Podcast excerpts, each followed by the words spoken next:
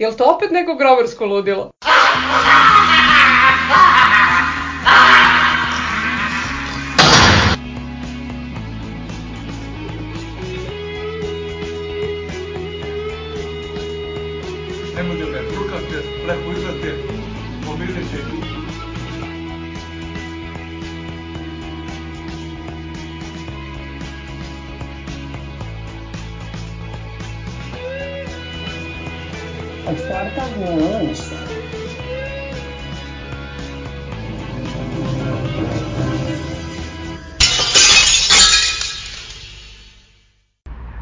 Ljubitelji futbola, dobar dan, dobrodošli u Semenkarenje broj 9. Ova epizoda specijala našeg, kako bi neki rekli, totalno neobjektivnog podcasta će biti još pristrasnija i neobjektivnija, a razlog za to je e, naš današnji gost, dr. Miloš Aranović, u neko davno prošlo vreme glavni i odgovorni urednik fanzina Mi smo grobari, a odnedavno i autor knjige Samo jedan je partizan. Miloše, da li su ovo ključne dve reference za, za ovaj uvod? Da, to su najbitnije. to su dve najbitnije. Miloše, hvala ti puno na, na vremenu. Za početak da te pitam, jesi zadovoljan knjigom? Jesam. Jesam, nisam oduševljen u smislu da čitao sam bolje, ali sam zadovoljan prvo onako krajnje sebično i lično što sam isplivao i završio, a drugo zato što mi je potpuno neshvatljivo i neprihvatljivo da jedna takva priča, kakva je priča 75 godina Partizana, nije dovoljno bitna da se ljudi njom bave. I sad kad se vratim unazad na taj neki januar kada me je izdavač pozvao i izložio mi ideju da bi mogla da se piše knjiga o Partizanu, jako sam srećan što sam rekao da hoću. Nisam nešto pretarano razmišljao, nisam imao baš jasnu predstavu pošteno rečeno šta me čeka, jer sve forme koje sam u životu napisao ili uradio u novinarstvu neuporedivo kraće i nekako mnogo manje ozbiljne u smislu da je ovo nešto što ostaje i ne mogu ni za dve, ni za pet, ni za deset godina da objašnjavam što sam pogrešio ili šta nije valjalo. S te strane imam utisak da nije, nemam razloga i nema razloga da me bude sramota u smislu da sam nešto baš ozbiljno loše uradio. E sad, da je bolje mnogo što šta, uključujući i mene, mogla je da bude i bolja. Prva stvar koja me prilično namučila je što je dobar deo knjige pisan u vreme kada su mnoge arhive bile nedostupne iz takozvanih ove, medicinskih razloga, a sa druge strane prezadovoljan sam što sam uspeo da iščeprkam i iskopam svašta nešto bilo je stvari recimo koje se nalaze, u stvari ima stvari koje se nalaze u knjizi, a koje nisam znao pre nego što sam počeo da je pišem, što je verovatno loša preporuka primer? za knjigu. Pa, dva najveća iznenađenja su mi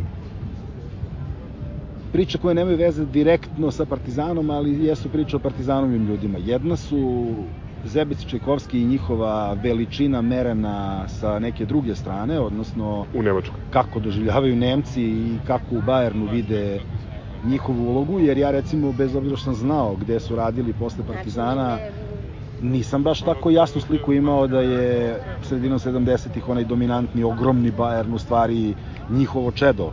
Znao sam ja da je to negde relativno blizu vremenski, ali nisam zaista ni slutio da kada Nemac koji se bavi istorijom Bajerna sedne pa analizira, nađe u Čajkovskom i Zebecu u stvari možda i ključne ljude tog velikog uspeha. I druga stvar mi je, moram da priznam, bila potpuno fascinantna, a to je viđenje Ivana Ćurkovića u Francuskoj.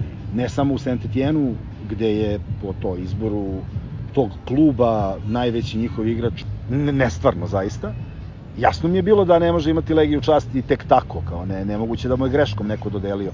Ali tek u stvari kad sad kao pogledam kako to 70-ih godina, pa onda i 80-ih, 90-ih na sve značajne datume u istoriji tog kluba pričaju i pišu o Ćurkoviću, to mi je onako bilo ovaj, neverovatno i taj deo u stvari te partizanove ambasade, kako sam ih ja negde nazvao, to je onako baš potpuno impresivno. Ne znam, Ilija Katić u Švajcarskoj kao čovek za koga ovde znamo da je nekada igrao za Partizan i to je to.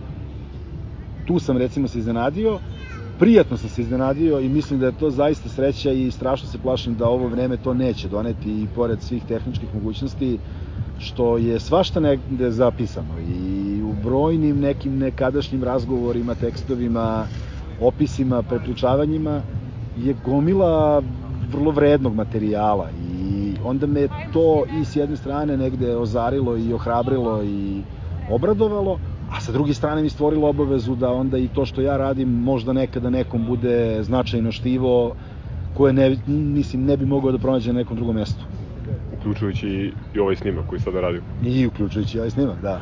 A, dobro, e, možeš da kažeš nešto, ovaj, knjiga je dostupna grobarskom čitalaštvu, evo već tri ili četiri nedelje. E, kakve su prve reakcije ljudi? Pa dobre, da, to je ono što sam na početku pitao ovaj, da li sam zadovoljan. Jesam utoliko što nekako sam insistirao i molio sve ljude koji su mi napisali po društvenim mrežama ili negde poslali poruku ili sam ih sreo i u tih par rečenica kao je super što je ovo izašlo, baš sam onako i maltretirao čitaoce time da mi kažu šta im se ne sviđa, šta im nedostaje i šta je moglo ili moralo drugačije u to ime i negde na osnovu toga i gradim zadovoljstvo što ni jedna od tih kritika, sad možda ljudi nisu dovoljno iskreni pa mi ne bi rekli, ali niko mi nije rekao, ma ovo je potpuno bez veze. E sad, ok, kao verovatno poštuju trud, pa onda kažu, ma dobro je, ali uglavnom su bili zadovoljni i ono što mi je daleko najvrednije i stvarno gde sam najispunjeniji je što je gomila ljudi mojih ili naših godina ili tu negde pomenula da knjigu čitaju njihova deca i to je u stvari najveća vrednost. M više ne čitamo, M je ovde inače odnos prema istoriji potpuno skandalozan i toliko površan da je to neizdrživo. M i ta deca verovatno mogu da iskoriste knjigu kao pokriće pred roditeljima i kažu čitao sam nešto ovog leta i meni je drago da su čitali nešto o Partizanu što sam napisao. Dobro, ovo jeste definitivno deo nezaobilazne grobarske lektire. U tom smislu veliki pozdrav za jednog Luku od 10 godina koji u Makarskoj čitao Čajkovsku na plaži u ovom trenutku. Um, pomenuli smo eto neke, ovaj, neke, neke reakcije. Da li je bilo reakcija koje su ti pomogle da e, možda dobiš neke ideje za drugo dopunjeno izdanje? Šta je to što bi možda promenio sada sa ovom Da, znaš šta, ovaj, kada se vratim na sam početak, prva ideja knjige je bila da se na neki način kroz profile velikih igrača predstavi tih 75 godina Partizana i u prvim razgovorima sa urednikom, u stvari izdavačem, kako već to da definišemo, ideja je bila da to bude 10 ili 12 ili 15 što je apsolutno nemoguće. ljudi, što je nefer mislim iz oba razloga. Prvo, hiljadu i kusur igrača prošlo je kroz taj klub i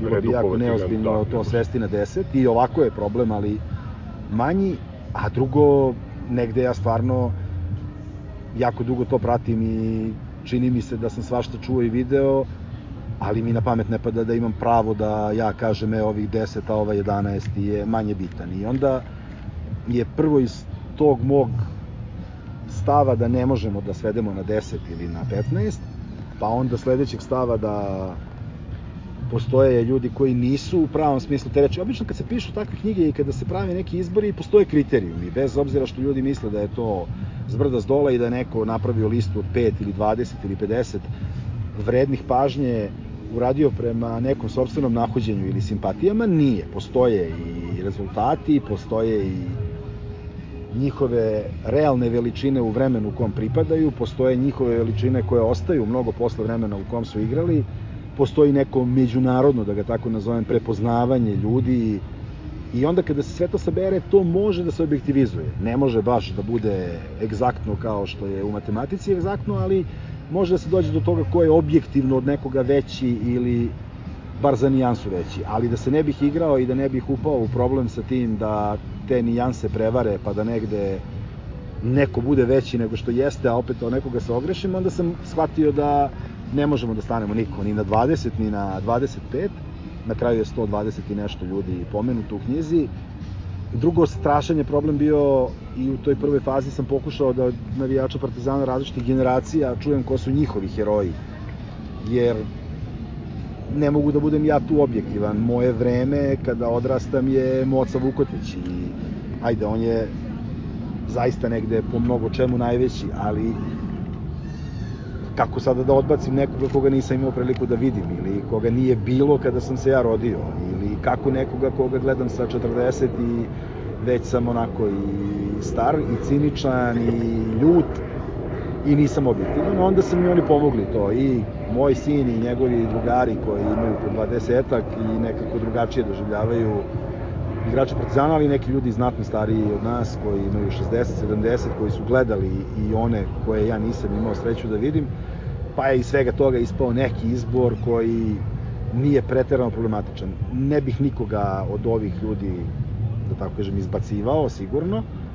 Da li bi još neko mogao da dobije više prostora, verovatno bi, ali tu postoje neki drugi limiti koliko stranica knjiga može da ima na kraju krajeva.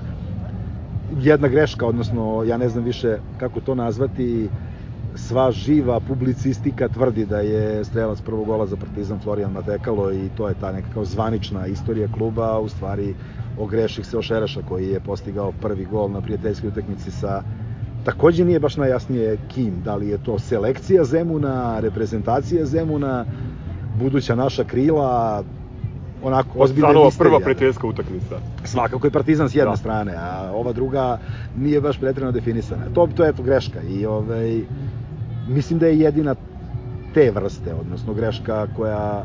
Materijalna. Jeste, da.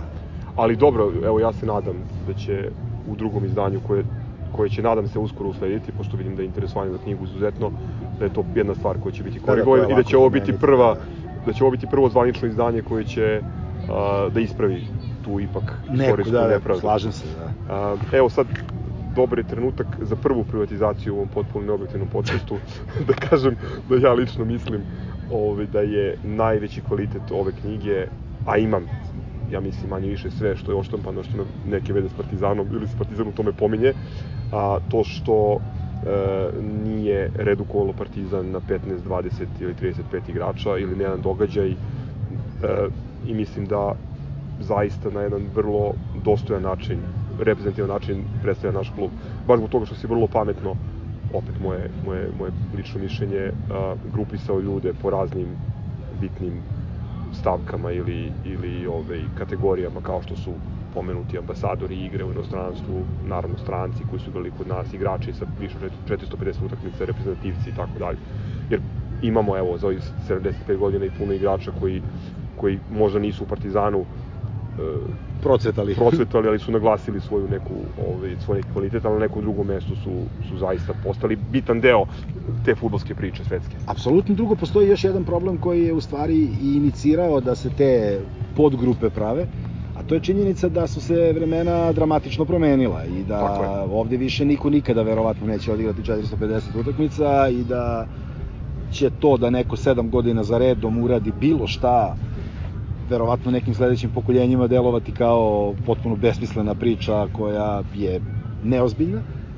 I na kraju krajeva neki momci su ovde ostali previše kratko ne zbog toga što nisu želeli da ostanu, nego su okolnosti bile takve da je... Futbol se promenio. Prosto neki interes kluba bio, mislim, potpuno je paradoksalno i znam koliko me to puta ono, ma ne iznerviralo, nego i pogodilo, ali je zaista tako, nekada je u interesu kluba da neko iz kluba ode, bez obzira što je dovoljno dobar. I ako se s tim ne mirim baš lako, prihvatam da je tako. I onda bi bilo nemoguće, jer svako ko je igrao 50-ih, 60-ih, ostao je mnogo duže nego Nikola Milenković ili Aleksandar Mitrović. A uskratiti njima pravo da se pomenu kada se priča o 75 godina Partizana ne bi bilo fair. Ili velike su karijere napravili ljudi mnogo veće nego Milivoje Ćirković, ali kada pričaš sa ljudima koji su imali 12, 15, 25 ili 40, 2003. Milivoje Ćirković je neko koga će se setiti sigurno. Pored toga, ova kategorija koja je meni možda i najbitnija, to su ljudi koji su deceniju proveli u dresu Partizana, nisu danas ni Admir Smajić, ni Nikica Klinčarski, ni Zvonko Varga, imena kojih će se setiti na prvo neko nabrajanje ko je bio tu najveći, ali kada pomisliš da je neko bio na 22 puta na pripremama u Medulinu ili na Tari i odigrao 19 puta sa Vardarom i Slobodom na derbiju na i davao golove na derbiju, onda je stvarno bilo bi ono majke mi glupo zvuči, ali neljudski potpisati knjigu i zatvoriti poslednju stranu, a ne pomenuti ga. privatizacija broj 2, molim te da u drugom izdanju uvedeš indeks imena ove, i pojmova ključnih, jer a, to je možda jedina stvar koja mi fali u ovoj knjizi za bolju orijentaciju, jer istorija, istorija Partizana je to, toliko ovaj, kompleksna, izuvijana, a, da prosto mislim da mi je neophodno tako nešto kao orijentir. Jeste, jeste, malo hoće da pobegne priča i to, čak si mi ti rekao u jednom trenutku da nisi mogao da nađeš Boru Đorđevića u nekom Da. trenutku i jeste problem, ali je u suštini na kraju kada je knjiga pakovana, bilo to kao već smo preterali sa brojem strana, jer opet ideja je bila da bude i neka fotografija, da ne bude samo Da, jasno. tekst, da ne bude previše fotografija, jer nije monografija i nažalost zbog činjenice da nije baš tako jednostavno naći dovoljno dobre fotografije, beskrajna je sreća što ne znam da li ga nazovem crno-belom nostalgijom ili jacom iz grom, ali eto postoje ljudi koji su zahvaljujući čistom entuzijazmu uspeli da sačuvaju neke dragocene stvari i onda je moglo da se nađe ne možda baš sve što bih poželeo, ali većina ključnih ilustracija su tu negde na svom mestu. privatizacija broj 3, ovaj, ovako jedan fenomenalan projekat se izgurao u ono vrlo izazovnim, neobičnim uslovima tokom korone, lockdowna i, i svega ostalog što se dešavalo. To cilj je bio da se ovako reprezentativno izdanje pojavi pre Partizanovog 75. rođendana, pošto Partizan to zaslužuje. Uh, kako planiraš da promovišeš knjigu imajući u vidu opet uh, pandemiju i, i te neke izvanredne okolnosti u kojima živimo trenutno. Da, ništa dobro nije donela ovaj, pandemija, naravno nije neka Kako pamet tako nešto zaključiti, ali ovaj, prvo neverovatno da kada se, zahvaljujući zlu zvanom korona, pojavilo mnogo vremena koje sam mogao da koristim za istraživanje ili pisanje, ja sam potpuno stao i prvih 15 dana nisam ni red napisao, niti sam uspeo da sistematizujem čak ni kuda i kako ću da tragam za onim što mi je potrebno. Prosto je nekako delovalo da li sam ja podlegao atmosferi u kojoj ništa nije bilo nevažno, nego dostojno ljudske pažnje, osim ovaj, priča o koroni. A onda je sledeći drugi pik prvog talasa koincidirao sa izlaskom knjige i sa vremenom kada je valjalo promovisati je, a onda opet nije bilo uslova za bilo kakve skupove, bilo kakve klasične promocije. Ono što je puno pomoglo i mislim da je u skladu sa vremenom, ja kao stariji čovek to baš ne razumem u potpunosti, ali ovaj, društvene mreže su odradile ogroman posao, pa ne znam, ili tvoj tweet ili tweet nekog ono navijača Partizana koga ljudi znaju je u stvari bio nešto što je verovatno u okolnostima od pre 50 ili 20 godina ozbiljna promocija u dnevnim novinama ili gde već.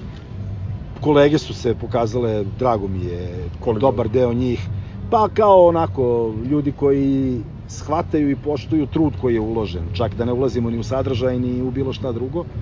I ovaj, nekako kroz svoje kanale komunikacije, bilo zvanične, bilo nezvanične, je malo pogurali i imam utisak da je naišla knjiga na, mislim, glupo je to reći kao dobra je okolnost, ali godinama niko ništa slično, osim navijačkih fanzina i golog entuzijazma. Mislim, i ovo se svodi, osim što je ozbiljna struktura izdavača stala iza, ali kada pogledaš kako je to organizacijono izgledalo i ovo je negde ad hoc partizanski projekat sa strane, nije nešto što je sistematično pripremano i Dobro, to mu daje na vrednosti. Slažem na se i meni daje, mislim, pošteno rečeno, meni je to naravno ba i značajna stavka po pitanju opterećenja. Da. Ovako je moja i takva je. Nema, Da.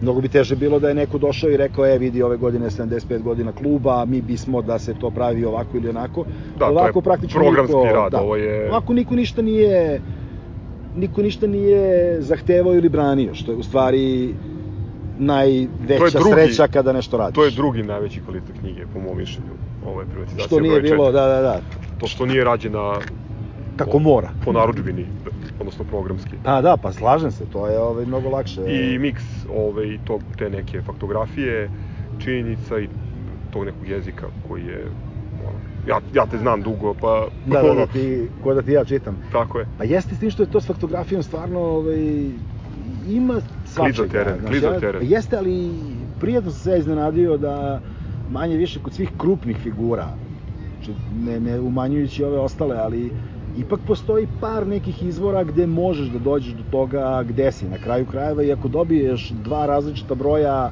i to je mnogo bolje nego da nagađaš šta je bilo. A ono što je mnogo vrednije je zahvaljujući ovaj, tome što naravno brojni akteri ljudi koji se pominju u knjizi su živi i do njih se može doći, pa onda je i žive reči bilo, ali je meni neverovatno pomoglo to što sam uspevao da nađem, pa čak recimo pomalo bizarno, ali ne znam, rečenice Zebec, rečenica Zebeca je iz nekog nemačkog almanaha Bajerna gde on priča o celoj svojoj karijeri pa priča i o Partizanu.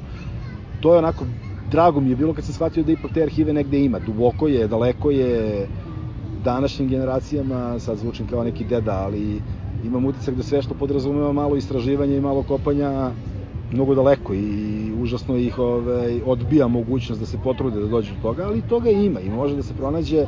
Ja sam deo toga izgrebao i sada je blisko, a voleo bih da bude, ja ne znam, ne znam kako to da nazovem, ali podstrek drugim ljudima da krenu da rade neke svoje istorije Partizana ili da pišu o nekim konkretnim događajima mislim o junu 76. može da se napiše Jeste.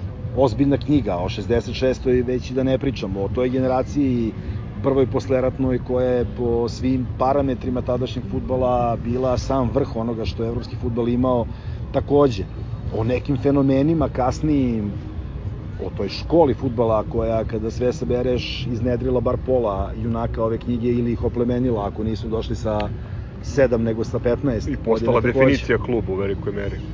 Jeste i puno mi je pomogla priča o školi sad ovaj, da ne prepričavam šta je. Od prvog dana sam znao da će ona u nekom delu i u nekoj meri morati da bude definisana hronologijom i da mora da ima neki tok kada sve se bereš. I sad to nije bio problem kod ovih najvećih i najdužih priča jer neko se rodio ranije i neko je ranije zaigrao, ali bio mi onako veliki problem kad uzmeš tu vremensku liniju Partizanovih velikih uspeha, 66. negde iskače kao najveći, pa onda i taj prvi kup šampiona, druga polovina 50-ih su ogromna priča, pa onda ta prva posleratna generacija, E onda negde ono Kaloperovićeva i Mladinićeva titula kraj 70. godina i počinje da biva sa jedne strane Partizan sve uspešniji, trofeja sve više, a nekako trag tih uspeha sve kraći, vreme sve luđe, ljudi Menja sve skloni. u Evropi. A to je da i drugo, menja se svet, bre. Ono što je bilo juče, to više nikog ne zanima i upravo u borbi protiv toga nekako ispala je knjiga. A završio sam je, da se vratim na početak misli, pričam o Partizanovoj školi iz dva razloga. Jedan je što, naravno, takav fenomen ne sme da... Bilo bi strašno da ga nema, mislim da ga nema opisanog ovde, bilo bi strašno i da ga nema, a drugo, jedino što daje nadu da će neka sledeća izdanja i neke druge knjige nekih drugih ljudi za 5, 10 ili 20 godina imati neka nova imena je upravo tih par hektara u Zemunu. I tih 40 stručnih lica koji rade sa, Pa sa mladim. i ta neka gomila klinaca malog željna uspeha, da. E, on ako ne dopiše, tužiću ga, ono, ako ništa drugo. Ok, privatizacija broj 5. Ajde završimo ovaj deo razgovora o, o, o samoj knjizi. Zanima me uh, koja ti je omiljena anegdota iz, iz knjige? Rekao si šta su neke stvari nove koje si ti naučio u, u pripremi materijala i prolaskom kroz, kroz, kroz građu. Šta, šta je ono, neka anegdota koja ti je Znaš šta, meni su dve priče tu ovaj, spektakularne i uspio sam da ih nekako raspetljam. Jedna je zaista filmska drama oko dolaska Miloša Milutinovića i Seobe iz Bora u Partizan koja deluje kao ratni dnevnik kada sabere šta se sve dešavalo. A možda najbolja priča je da ne otkrivam sad sve detalje, pretpostavljam da će većina ljudi pročitati. Da, da, no spoilers. Ne, ali dolazak iz Zagreba u Beograd kolima dok se rezervišu vozne karte, ta neka sitna umeća i snalaženje u okolnostima u kojima je društvo bilo verovatno ranjivo po milion pitanja posle rata i pre ovog savremenog sveta, ali ipak jako ozbiljno definisano i vrlo ozbiljno organizovano. Neki ljudi koji su samo voleli Partizan, bez nekog velikog interesa, bez priča o ozbiljnom novcu, su uspevali način da ga pojačaju uprko s vetrovima sa strane. I to mi onako, to mi je recimo drag deo priče. A ono što mi je najviše sete izazvalo je u stvari jedno poglavlje knjige, a to su oni koji nisu onoliko veliki koliko je moralo veliko njihovo ime da bude danas. Ko ti je prva asocijacija kad to kažeš? Pa, iz svih priča starijih je Miladinović, za koga tvrde da je bio takav igrač da je Zoran to... slash Jovan. Da, Zoran Jovan, ali po svim pričama on je čovek koji je to... I to ne samo kao igrač, već ne, i ne, kao ne, ne, trener. kao kompletna već, i kao trener. ličnost i kad pogledaš, njega ima ugrađenog u velike partizanove uspehe kao pomoćnika i to obično nekog drugog Mladinić, pomoćnika. Mladinić, Mladinić naglašava Apsolutno njegov da. značaj. Ljudi ovaj, koji su bili u klubu kao operativci, pozdravljamo ih ovom prilikom, kažu da je on bio značajan sastojak uspeha, a da ne govorimo o, o njegovoj ulozi u slačionici 66. I godine. Još jedan istorijski moment njegov, pored 66. i 70-ih, je nije slučajno i jako mi je drago što je tako. Momčilo Vukotić, čovek kome je pripao uvodnik, delom zbog toga što je moj heroj iz detinjstva, a delom zbog činjenice što ne postoji čak mislim da ne pričamo o okvirima ovdašnjeg futbala, nego i u, u svetskim okvirima takva priča o ljubavi i lojalnosti kao što je njegova odluka da se vrati na vrhuncu karijere i u trenutku kada je najzad mogao nešto da zaradi, s obzirom da su pravila bila takva da se nije moglo pre 28. iz zemlje, on se vraća posle 6 meseci jer ga upravo Miladinović zove i kaže mu mi ćemo da ispadnemo ako se ti ne vratiš i ovaj kaže pa onda ništa ja se vratim. To je recimo mislim za nekoga ko danas posmatra svet i ko posmatra savremeni I fudbal ovo je potpuno anahrono. pa izgleda kao nema, ne, nije realno. Nemoguće, kao, neko da. tu nešto laže ili neko tu nije normalan, a u stvari ne. To je pre samo pola veka i manje od pola veka i kao jedan čovek koji voli zove drugog za koga zna da voli i kaže mu ne vredi, vraćaj se i ovaj kaže ok, raskine ugovor na svoju štetu i dođe. I mi opstanemo li I Jedo. Partizan ostane u ligi u poslednjem kolu. što bi takođe bio još jedan interesantan deo knjige, ali dobro je što ga nema. Ili prerano da te pitam šta je sledeći poduhvat? Pa, prerano u smislu da ne mogu ti kažem šta je, a nije prerano da me pitaš da li mi se dopalo pisanje i rezultat tog pisanja jeste i to izuzetno. I taman sad valjda stižem u te ono, zrele godine kada je vreme da radim ozbiljne stvari. Ovo me zaista potpuno ispunilo i ključnu stavku, apsolutno kada je motivacija u pitanju, je potpuno zadovoljilo. Nisam ja stvarno od prvog dana delom i zbog toga što nikakvo iskustvo nisam imao razmišljao o bilo kakvom benefitu, o tome da li se od nje nešto zaradi, šta se njom postigne, a jesam razmišljao kao sad to za šest meseci, godinu dana, kada sam počeo da pišem, neki klinac negde sedi i ima da čita knjigu o Partizanu, a nije imao njegov dve godine stariji brat na raspustu pre dve godine. I s obzirom na tu količinu zadovoljstva i ponosa što neki klinci danas imaju to i neki stariji navijači i neki najstariji navijači do kojih sam došao i poslao im knjige su reagovali kao deca imam utisak da ima smisla potruditi se i tekako i za neku sledeću.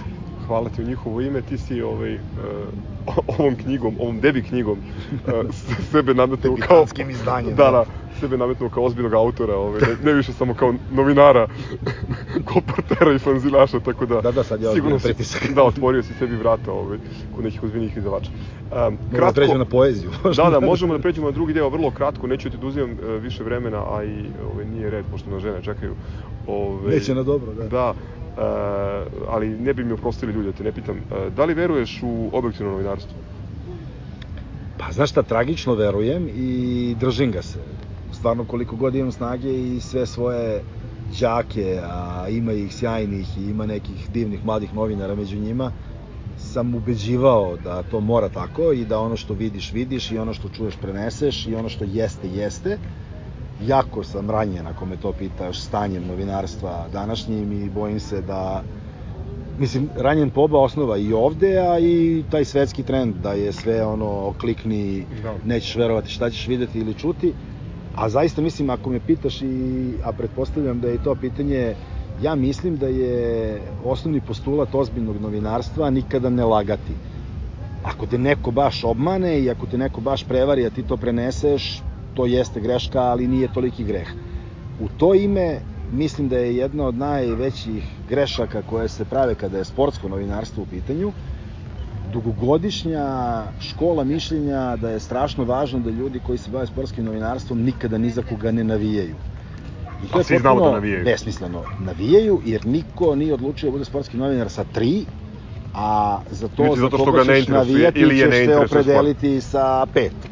I onda je taj apsurd zvani, imam 39, ali nešto stvarno mi je promaklo da postoje Partizan i drugi klubovi, potpuno neozbiljno. I ja stvarno mislim da je strašno bitno i da je jako pošteno reći ko ti je draži i za koga si počeo da navijaš sa sedam, a truditi se da prema tom nekom budeš kritičan isto kao i prema drugima i da koliko god možeš i koliko god uspeš, izmeriš realno to koliko on trenutno vredi i kako to što taj klub koji je tvoje opredeljenje od detinjih dana zaista postiže i kako se to zove, uspeh, neuspeh, relativni uspeh, kriza, dobra faza.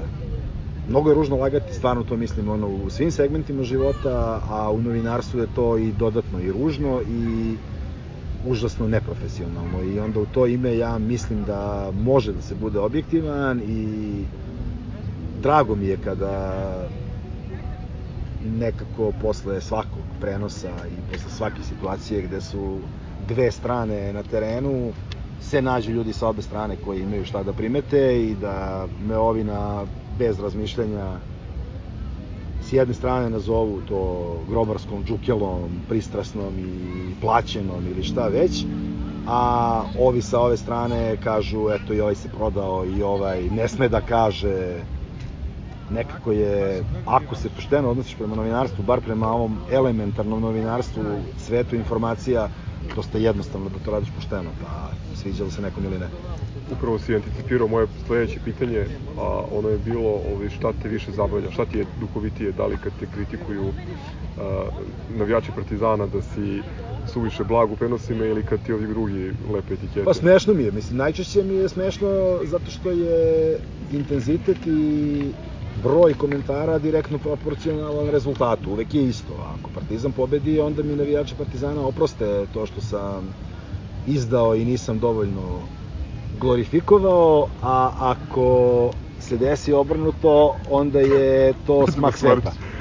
A obrnuto, ako Partizan ne pobedi, onda ne budu toliko ljuti s druge strane i oproste mi to što sam ovaj, sve vreme navlačio, kako kažu, a ja stvarno nekako nemam utisak da, malo sam već i mator da bi me previše ponelo i svestan sam da sam tih sat i po vremena tu nekim drugim povodom, ali ovaj, nekad me potrese, nekad me potrese, potrese me kada je maliciozno, potrese me kada je u toj kritici, nazovimo je, mog rada, gola frustracija i bes zbog nečega što sa mnom nema nikakve veze, ali me česte, češće ovaj, nasmeje. Dobro, humans of late capitalism. A reci mi, ovaj, Ma da, pošto, dešava. Pošto se sećam, pošto se sećam početaka novinarskih i koliko si odbijao da radiš bilo šta što ima veze sa, sa našim klubom. Jel može se setiš sad e, trenutka kada si prvi put prenosio Partizan i kako si uopšte prelomio da prihvatiš? Pošto znam, sećam se situacija pre mnogo, mnogo godina da si odbijao da, da radiš. Jesam, da, zato što nisam želeo ni da se ponašam kao ludak u slučaju da Partizan igra dobro, niti da ćutim i budem pretužan ako igra loše. Pa jedna od stvari koje pamtim i koje su jako krupne je Partizan je igrao sa Tuluzom, onu nesličnu utakmicu po milion osnova u Ligi Evrope, a ja sam došao da uzmem akreditacije i da vidim televizija na kojoj radim je to prenosila i tamo sreo Mladena Krstajića. I on je bio to kao je šta ima, nešto smo pročeskali i kao sede popijemo kafu. Onda mi je rekao, jel ti prenosiš? Ja mu rekao, i prenosim.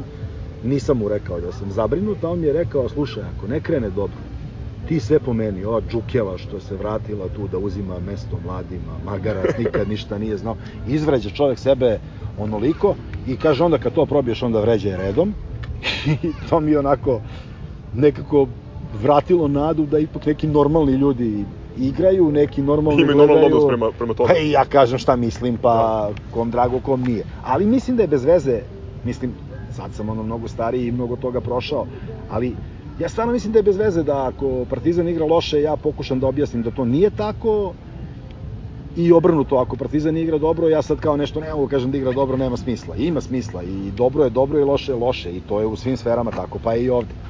Dobro, svaka, svaka ti čast na fokusu, sve jedno, mislim, pošto ima situacije kada... Ima. ovaj, mislim, ja, ja ne bih to mogao nikad, evo, iskreno ti kažem i... Nisi probao. verovatno se zato i ne bavim time. Um, priča o objektivnom novinarstvu ima i drugu stranu, a to su objektivni navijači, ovaj, odnosno u ovom slučaju objektivni partizanovci ili pežorativno objektivni groberi. Da li postoje objektivni groberi? Pa ne znam šta, znaš šta, ja prvo mislim da je suštinski, a to sad ide u isti onaj paket sa pričom o tome da li su novinari nekoga upoznali i pre nego što su postali novinari, a ja nekako čvrsto verujem da jesu i da su za nekoga navijali. Tako mislim da je i ovde jako teško kada se sa puno strasti nešto prati, a navijač, čiji god bio klub za koji navija, nikada ne gleda hladne glave i polu zainteresovan, onda je. nije navijač. I imam utisak da je bilo kakav pokušaj da se nađe mera vrlo trapav. Ja profesionalno to radim jer je to takav opis moje delatnosti, a taj pokušaj da se u svemu dobrom nađe loše, a u svemu lošem nađe dobro, obično ispadne trapavo i na takve se svi nešto ljute, a nisam ja siguran da bilo ko od tih objektivnih navijača koje toliko napadaju to radi iz zle namere, nego ko zna iz koje ono, iz koje ljudske pobude, iz kog poriva, iz kakvog ambijenta.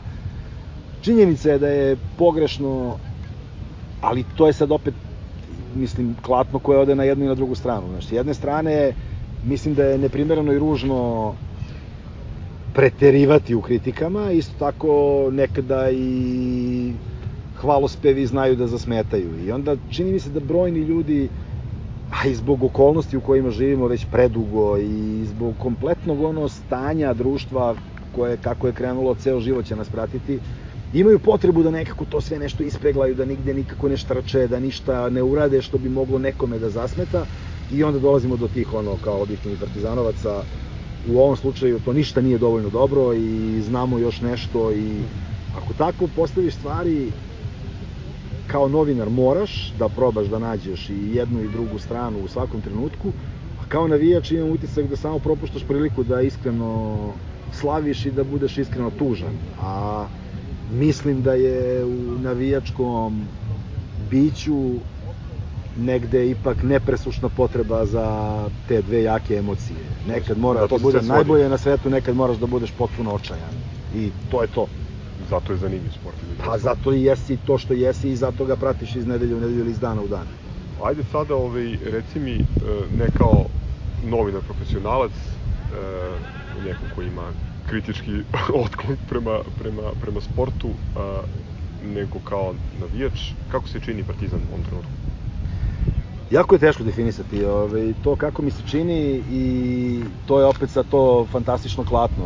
Jedna škola mišljenja je da se sve čini unutar Partizana, uopšte da ne pričamo o bilo kakvim spoljnim faktorima, da Partizan ne bude iritantno dobar onoj drugoj strani, a drugi stav je da je ovo maksimum svih maksimuma i jedna ono najčistija i najiskrenija borba za Partizan nisam siguran da smo u stanju ili ti ili ja ili bilo ko ko to posmatra dugo i kome je to važno da te stvari izmerimo i da imamo stav za koji bilo ko ko je manje zainteresovan neće u startu reći da je ekstreman. Meni se čini da ovo nije toliko strašno koliko mnogi misle da jeste, ali sa druge strane zabrinjava dugi protok vremena u kojem Partizan pokušava da nađe sebe. Mene je negde obradovalo to na šta je igra Partizana i generalno ambijent oko ekipe je ličio pre godinu dana i učinilo mi se da je to onako Dobar put. pa da, neki talas koji će da vuče i da traje. E sad, da li su i okolnosti i taj čudni prekid sezone i sve što se dešavalo, Sigurno. Malo onako ovaj, sliku pomutili i učinili manje lepom, trenutno mi ne deluje ni malo sjajno i sad ako uzmeš da nije Partizan igrao ni prošlog leta, futbal kome niko ne može da odoli u kvalifikacijama, ali je delovao ubedljivije i bolje nego što je delovao pre par dana protiv Letonaca. Sa druge strane, možda je stvarno samo cilj pobediti 1-0 RFS i proći u drugo kolo. Ako je to i ako je to strategija, onda je to genijalno. Imam utisak da nije iskorišteno to što je postojalo jesenas, moguće i zbog tog Haga i zbog ispadanja iz Evrope koje je bilo najblaže rečeno bolno i tragično, ali iskreno verujem da ja inače mnogo više volim, znaš i sam, da pričam o izvođačima radova, zbog toga u knjizi postoje treneri i igrači Partizana i niko više, u svo uvažavanje svih mogućih menadžerskih funkcija i logističkih zadataka. Nekako u Partizanovog sadašnjeg trenera ne sumnjam, u smislu da sam siguran da mu je važno, da sam potpuno ubeđen da kao jedan bistar čovek koji je prošao dosta ozbiljnog futbala, uspeo da sabere najviše znanja što je mogao, da li možeš da budeš iskusan vrhunski trener posle tri utakmice, dva meseca ili jedne polusezone, naravno da ne možeš. Kada je ekipa Partizana u pitanju, voleo bih da je i mislim da bi bilo jako važno nekako krvna slika bolja u smislu da ne bude na terenu, a često imam takav utisak, manje igrača kojima je mnogo važno da tog dana pobede nego onih koji tome pristupaju kao poslu, bez obzira koliko dobri bili. I tu je sad opet ključno pitanje, Partizan još uvek nema taj problem, a bojim se da će uskoro naići da na terenu u jednom trenutku budu jedan ili dvojica igrača kojima pored profesionalnog mnogo znači što su baš tu, baš na tom terenu i baš u tom dresu. A bez toga nema onog partizana koji bi bio zaista voljen i za koji bi se ljudi stvarno vezivali. Milion puta sam razmišljao, pričali smo na kraju krajeva, ja i dalje ne mogu da zamislim kako je to kad navijaš za Chelsea i izađe 11 ljudi koji su tu poslom. Da, ostaje dres, ostaje grb, ostaje huk, ali... Kako ubediš sebe da je to to? Kako se tačno identifikuješ? To se recimo dešava već dugo sa košarkaškim sekcijama velikih klubova i ja koliko god znaš da nisam ovaj, u tom fazonu da je mnogo važno da budu samo naši i da prebrojavam krvna zrnca igračima, to mi nikad na pamet nije padalo. Mislim da je bliska budućnost Partizana direktno povezana sa školom futbala i sa tim šta će ona da izbaci, eventualno nekim povratnicima, a bojim se da će mnogo vremena proći dok će dolazi, dok će moći da dođu profesionalci tog ranga da igraju kao da im život zavisi baš tog dana, baš za Partizan. Tako da kažem ti, ako poredimo sa onim što je bilo pre dve godine, bolje je, ako poredimo sa onim što je bilo prošle godine u ovo vreme, nisam siguran da je Prošle bolje. godine a- je bio Molde, na današnji dan. takođe dramatična utakmica i kada pogledaš i ona je mogla da bude fijasko ozbiljan i da se razni poznavaoci aktiviraju i procene da je to Mm. potpuno besmislen projekat. Jedan gol iz čudno izvedenog kornera je odlučio da tri meseca kasnije navijači Partizana umiru na utakmici sa AZ Alkmarom. Pa ne, ali zaista. Tako da ko zna, možda i ovo samo stvar. možda i ova utakmica koja je najsvežija, pa samim tim i najupečatljivija, u stvari jedan onako na možda malo neubedljiv način odrađen posao. Pa jest, mislim, na kraju krajeva, e, meni je bilo vrlo indikativno kako se Savo postavi, šta je bila njegova prva reakcija, pri čemu on, Da. on obično nije, on je čovek koji je vrlo sklon samokritici, ne Da, da, da, beži, delovo je ne kao beži da je problema posao obavljen i to je i to. kao da je to zaista to što je on hteo, da je hteo da odigra pažljivo i da, da odradi. Drugo, ovaj, neslaganje sa, sa, sa drugarima i kolegama podka- podkaždžijama, ja zaista mislim da ova ekipa nije naivna. Mi smo na kraju krajeva i protiv Trakaija prošli uz velike probleme. Ma da, ma nema, generalno Nije- ta prva kola evropskih kupova su pakao i to se Ovaj, kad pogledaš i ko je sve poispadao, ono. tako da e, ja lično bih bio srećan sa ovakvim pristupom i ovakvim ružnim prolazima po nacima navoda do, do kraja kvalifikacija i još jednim učešćem u grupama, ali prosto zbog korone toliko stvari je nepoznato da, znaš, Da, baš je, ovaj... dve nedelje unapred je nerealno gledati. Mislim, ne možeš da gledaš. Da, to da neko ti rekao Biće ti strašan problem da gledaš futbol na raznim tribinama, ako neko ima bogato iskustvo kada je to u pitanju, pa ne ozbiljno, to su nejači partizana, nema dileme, ali ovo je stvarno jako teško i imam utisak da i i to van dodatno celu sliku čini bezveznom i nisam I siguran... van sportski faktori, Miloše isto, pa kad pogledaš ovo recimo što dešava sa Željničarom, recimo, ovaj, ili, Da, da, to je ili cirkus. sa Murom, ili sa ovim nesrećnim, ovaj, Slovanom ili Kik Laksikom. Slovanom, da, Slovanom koji nije mogao da igra na kraju ni sa, ni sa juniorima. Mislim, vrlo je onako, jako je puno stvari koji su potpuno van To je isto jezivo, ti sad kada izlačiš... Arbitrerno je, ti moraš da imaš nekoga ko je Pazi, ti izlačiš ekipu na žrebu i imaš tri faktora. Jedan je Da. njen kvalitet, drugi je da li ti leži, ne leži, domaćinstvo, a onda kao da li ćeš tići u zemlju u kojoj će neko lagano da napiše ne vredi ovi ljudi bolesni. Ili će ti se neko od igrača zaista, Zaista razboleti, zaraziti i onda kako ćeš, ne možeš da držiš momke pod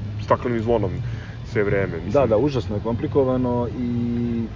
Mada moram priznati da sam se plašio da će UEFA još gore to organizovati. Ja sam stvarno imao utisak da će se desiti da se pola utakmica ne igra I da se po automatizmu ljudi... i da bude nema veze, neka prođu ovi pod B Da. i kako već. To je za sada izbjegnuto, ali ovaj, i to je ozbiljan problem i malo sam se plašio, moram da priznam pred početak cele priče, imao sam utisak da ovde niko nešto preterano o tome ne vodi računa, ali sad imam utisak da se pazilo, da se na vreme testiralo, da ta opasnost nije prošla. Ali je zaista sad, ono, opet se vraćam na to pitanje kako mi izgleda današnji partizan, imam utisak da je već godinama to toliko teško proceniti u bilo kom preseku vremena u smislu da je na pripremnim utakmicama sa Zlatiborom delovao dosta dobro i smisleno, pa je onda jedno poluvreme u Kruševcu izgledao kao da nešto ozbiljno nije u redu, pa jedno opet manje više onako kako bi trebalo, pa onda u Novom pazaru nemam reči da opišem to kako je izgledalo, pa onda kad pogledaš sledeće tri prvenstvene utakmice i utakmicu sa Letoncima, manje više obavljen posao. Kao na kraju dana Da. igrali i pobedili, nismo primili gol. Četiri utakmice za redom Da, ovaj clean sheet. To jako je... teško, jako teško zaista proceniti i ono što dodatno brine i mislim da može da bude krupan faktor, Partizan je najzad posle niza godina uspeo da stigne do modela u kojem se godišnje prodaje po jedan kapitalno važan igrač i još neko.